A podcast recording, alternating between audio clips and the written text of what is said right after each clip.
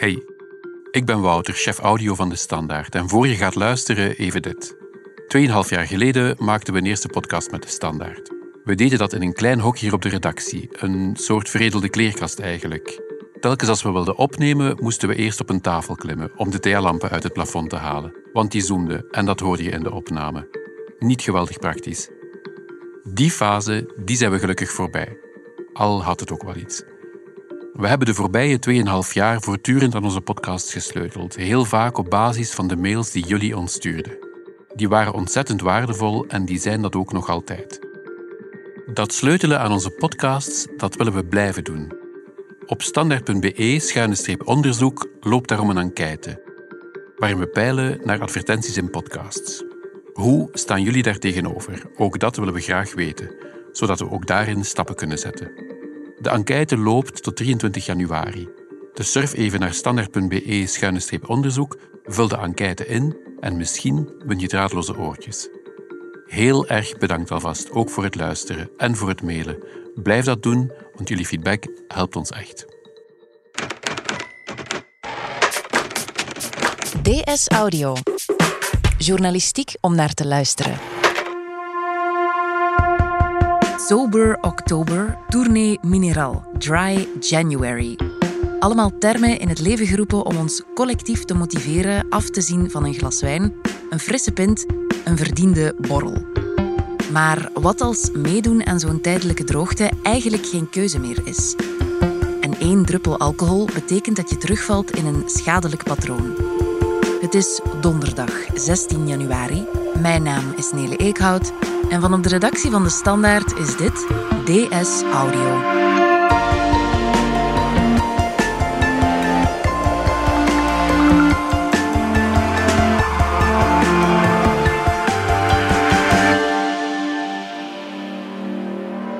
Eline Bergmans. In de krant konden we enkele getuigenissen lezen van mensen die met jou en je collega Klaas Maanhout hebben willen praten over de alcoholverslaving waar ze in hun leven mee te maken kregen.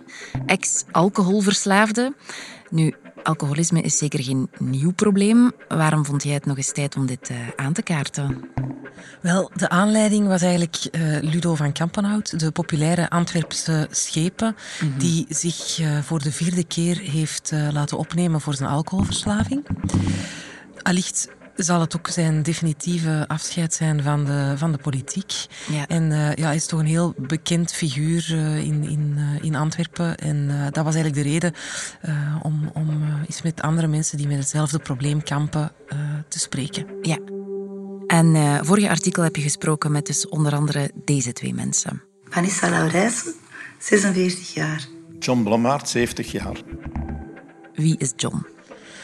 John is een, uh, een, man van 70. Um, hij woont in Ekeren. Staat al 34 jaar droog. Een laatste glas heeft hij gedronken in 1986. Hij is de oudste van onze getuigen. Hij werkte in de haven, waar het in de jaren 70 heel gebruikelijk was dat er uh, ook op het werk uh, werd, werd gedronken. Vodka vuil, de, de Russische schepen. En tussendoor, hij ging de verschillende boten aanleggen. We moesten waar dikwijls wachten op een ander schip. En er waren vuil overkrogen en dan gingen we van, rijden we van die schip naar de andere, maar tussendoor passeerden we een café. Hè.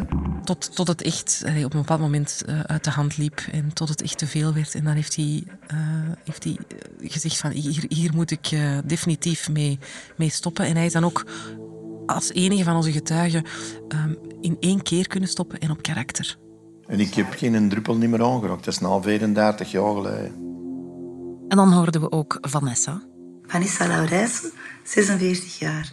Vanessa is een, een vrouw uh, van uh, in de 40. Uh, ze komt uit Braschaat. En ze dronk vier jaar geleden pas haar laatste glas vodka. Vier jaar, vier maanden nu. Ze noemt zichzelf een stiekeme drinker. Volgens haar zijn dat, is dat heel gebruikelijk bij vrouwen, dat die het proberen te verstoppen, dat zij vaker hun uh, alcoholgebruik stiekem en, en in het verborgene houden, de flessen in hun kleerkast verstoppen. Dus uh, keukenspullen, um, de wasman bijvoorbeeld. Veel meer thuis drinken. Ik was een thuisdrinker op mezelf. Net als Ludo van Kampenhout was het um, afkicken bij haar echt een proces van vallen en opstaan. Vallen en opstaan. Ze heeft uh, drie opnames achter de rug in totaal ben ik eigenlijk zo drie jaar in en uit mijn herstel geweest. En pas dan is het haar eigenlijk gelukt om uh, vier jaar geleden te stoppen. Mm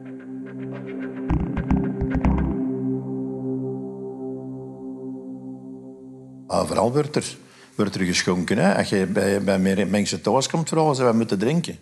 En als je zegt, geef me een kale, dan wordt als je bezing. In onze maatschappij wordt veel gedronken. Sociaal drinken heet dat dan. De ene mens drinkt ook meer dan de andere, maar wanneer is er sprake van een alcoholprobleem? Wel, vaak heeft men dat proberen uitdrukken in het, in het aantal eenheden dat per week gedronken mag worden. Dat is ook al eens geëvolueerd.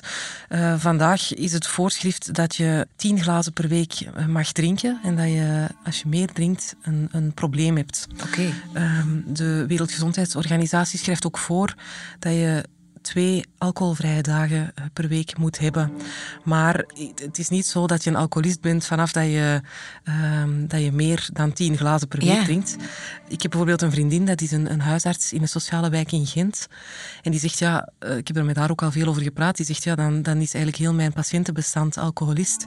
En zij hanteert een andere, een andere regel. Ze zegt van, uh, er moet minstens één dag niet gedronken worden. Dus zij bekijkt dat een beetje anders, hangt er een beetje vanaf dus wel belangrijke factoren waar eh, experts ook altijd rekening mee houden, is eh, de afhankelijkheid. Eh, gebruik je meer dan dat je eigenlijk gepland had, kun je nog stoppen. de impact op je leven, die, die speelt ook altijd mee. Kun je nog normaal functioneren? Kun je nog normaal werken? Dat is ook weer een, een, moeilijke, omdat eigenlijk de, de verschillende getuigen uh, hebben aangegeven dat ze, dat ze dat eigenlijk heel vaak als excuus ook weer gebruiken. Van mhm. kijk eens, ik, ik kan nog normaal functioneren, ik heb nog een job, dus ik ben geen alcoholist. De momenten dat we het dan wel eens even aan de controle hadden, omwille van ja, dat je zegt moet dan een dokter vertwaren, dan gaat het allemaal wat even kalm aan doen. En die momenten die hadden er echt uit om te bewijzen en zei het, ik kan dat wel, ik heb geen probleem. Dus er is niet zo'n heel duidelijke uh, definitie van wanneer er een, uh, een, probleem is. Dus het probleem is misschien niet echt uit te drukken in eenheden, maar meer in kleine dingen die de mensen zelf ook hebben aangegeven. De drie getuigen die, die Klaas en ik hebben gesproken voor dit artikel, uh, die hebben alle drie verteld um, over de impact die hun alcoholisme had op de familie. Uh, de gevolgen voor hun gezinsleden, voor hun vrouw, vooral voor hun kinderen mm -hmm. ook. Ik heb bijvoorbeeld eens beweerd dat ze de cadeautjes van onder de kerstboom hadden opengedaan.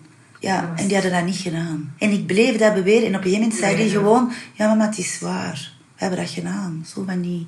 Mijn dochters gaan soms zeggen van... Mama, weet je nog toen? Dan zeg ik... Ah, ja. En dan voel ik dat ook echt wel. ah, ja. ja. En dan zegt hij... Ik haat het nu. Toen dan zeg ik... Ja, ik snap dat. Eh, John, die noemde het een, een gezinsziekte. Dat is een gezinsziekte. Dat is niet alleen een alcoholist die er last van heeft, maar heel die zijn naaste omgeving. Hè. Wat maakt dat niet iedereen die alcohol drinkt meteen vatbaar is voor een probleem? Wat maakt de ene mens gevoeliger dan de andere? Wel, experts gaan ervan uit dat het uh, deels uh, een genetische aandoening is. Ja. Dat, dat, was ook wat de drie getuigen uh, eigenlijk hebben verteld. En die zeggen ook dat ze zeer vatbaar zijn voor andere verslavingen. Mm -hmm. Ik heb chocolade, dat is chocolade sowieso. Ah, eentje, twee, dan ben ik er weer over, ben ik weer helemaal vertrokken. Heel veel shoppen of één broek in zes kleuren kopen. Zelfs na hun afkicken van de alcohol zeggen ze dat ze ja, nog steeds eh, een beetje die ingebouwde rem missen. Dat komt de heel veel vuur in die groep bij ons. Die mensen hebben allemaal zo bij die altijd te. Dus ik zeg gaan tennissen, 25 euro per week gaan tennissen. Niet stoppen. Nu, daarnaast, naast die genetische uh, factoren, speelt ook uh, de omgeving een rol.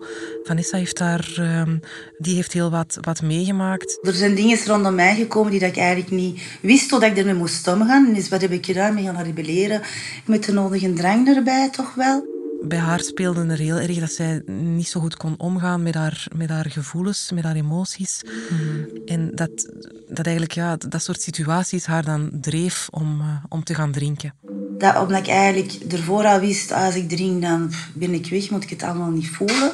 Dat ik in moeilijke situaties sneller naar een fles greep. Ja, in het geval van John is die genetische factor ook wel duidelijk.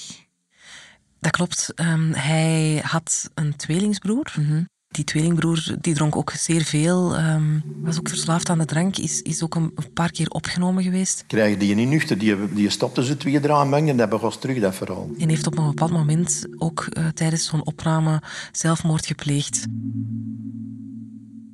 Dat is iets dat John uh, ook vandaag tot op vandaag heel moeilijk uh, mee heeft. Ook omdat hij ja, zijn broer dan niet heeft kunnen redden. Mm -hmm. Ik heb die zelf niet kunnen helpen. En hij zegt, ja, ik ben er wel uit kunnen stappen. Mijn, mijn broer is, is het niet, niet gelukt. Maar dat wijst wel, het geeft wel aan hoe, ja, hij zegt, het zit in mijn bloed en het, het, het hoe genetisch het, uh, ja. het eigenlijk is. Ja.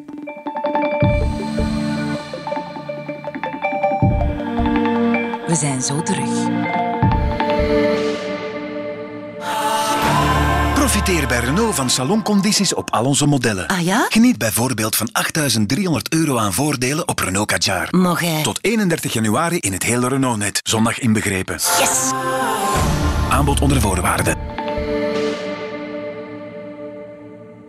Zowel John als Vanessa staan nu allebei al een behoorlijke tijd droog, zoals je daarnet zei. Uh, ze zijn allebei afgekikt. Wat is de effectiefste manier om af te kicken van een alcoholverslaving? Ja, ik denk uh, dat er eh, geen uh, pasklaar antwoord op is. Ze hebben het inderdaad allebei op een heel verschillende manier gedaan. John die is in één keer en op karakter uh, gestopt. Ja. hij is naar een zelfhulpgroep geweest, naar een praatgroep. En dat was ook meteen zijn, zijn laatste glas. Vanessa die heeft dan weer verschillende opnames uh, geprobeerd. Klassieke opnames, daarna een heel dure opname in een uh, privékliniek in uh, Zuid-Afrika. Dat heeft wel succes gehad. Mm. Ik denk dat het, dat het afhankelijk is van persoon tot persoon. Ehm, ze, alle drie de getuigen, Vanessa en John, ook gaven aan hoe belangrijk de wil om te stoppen is. Ja.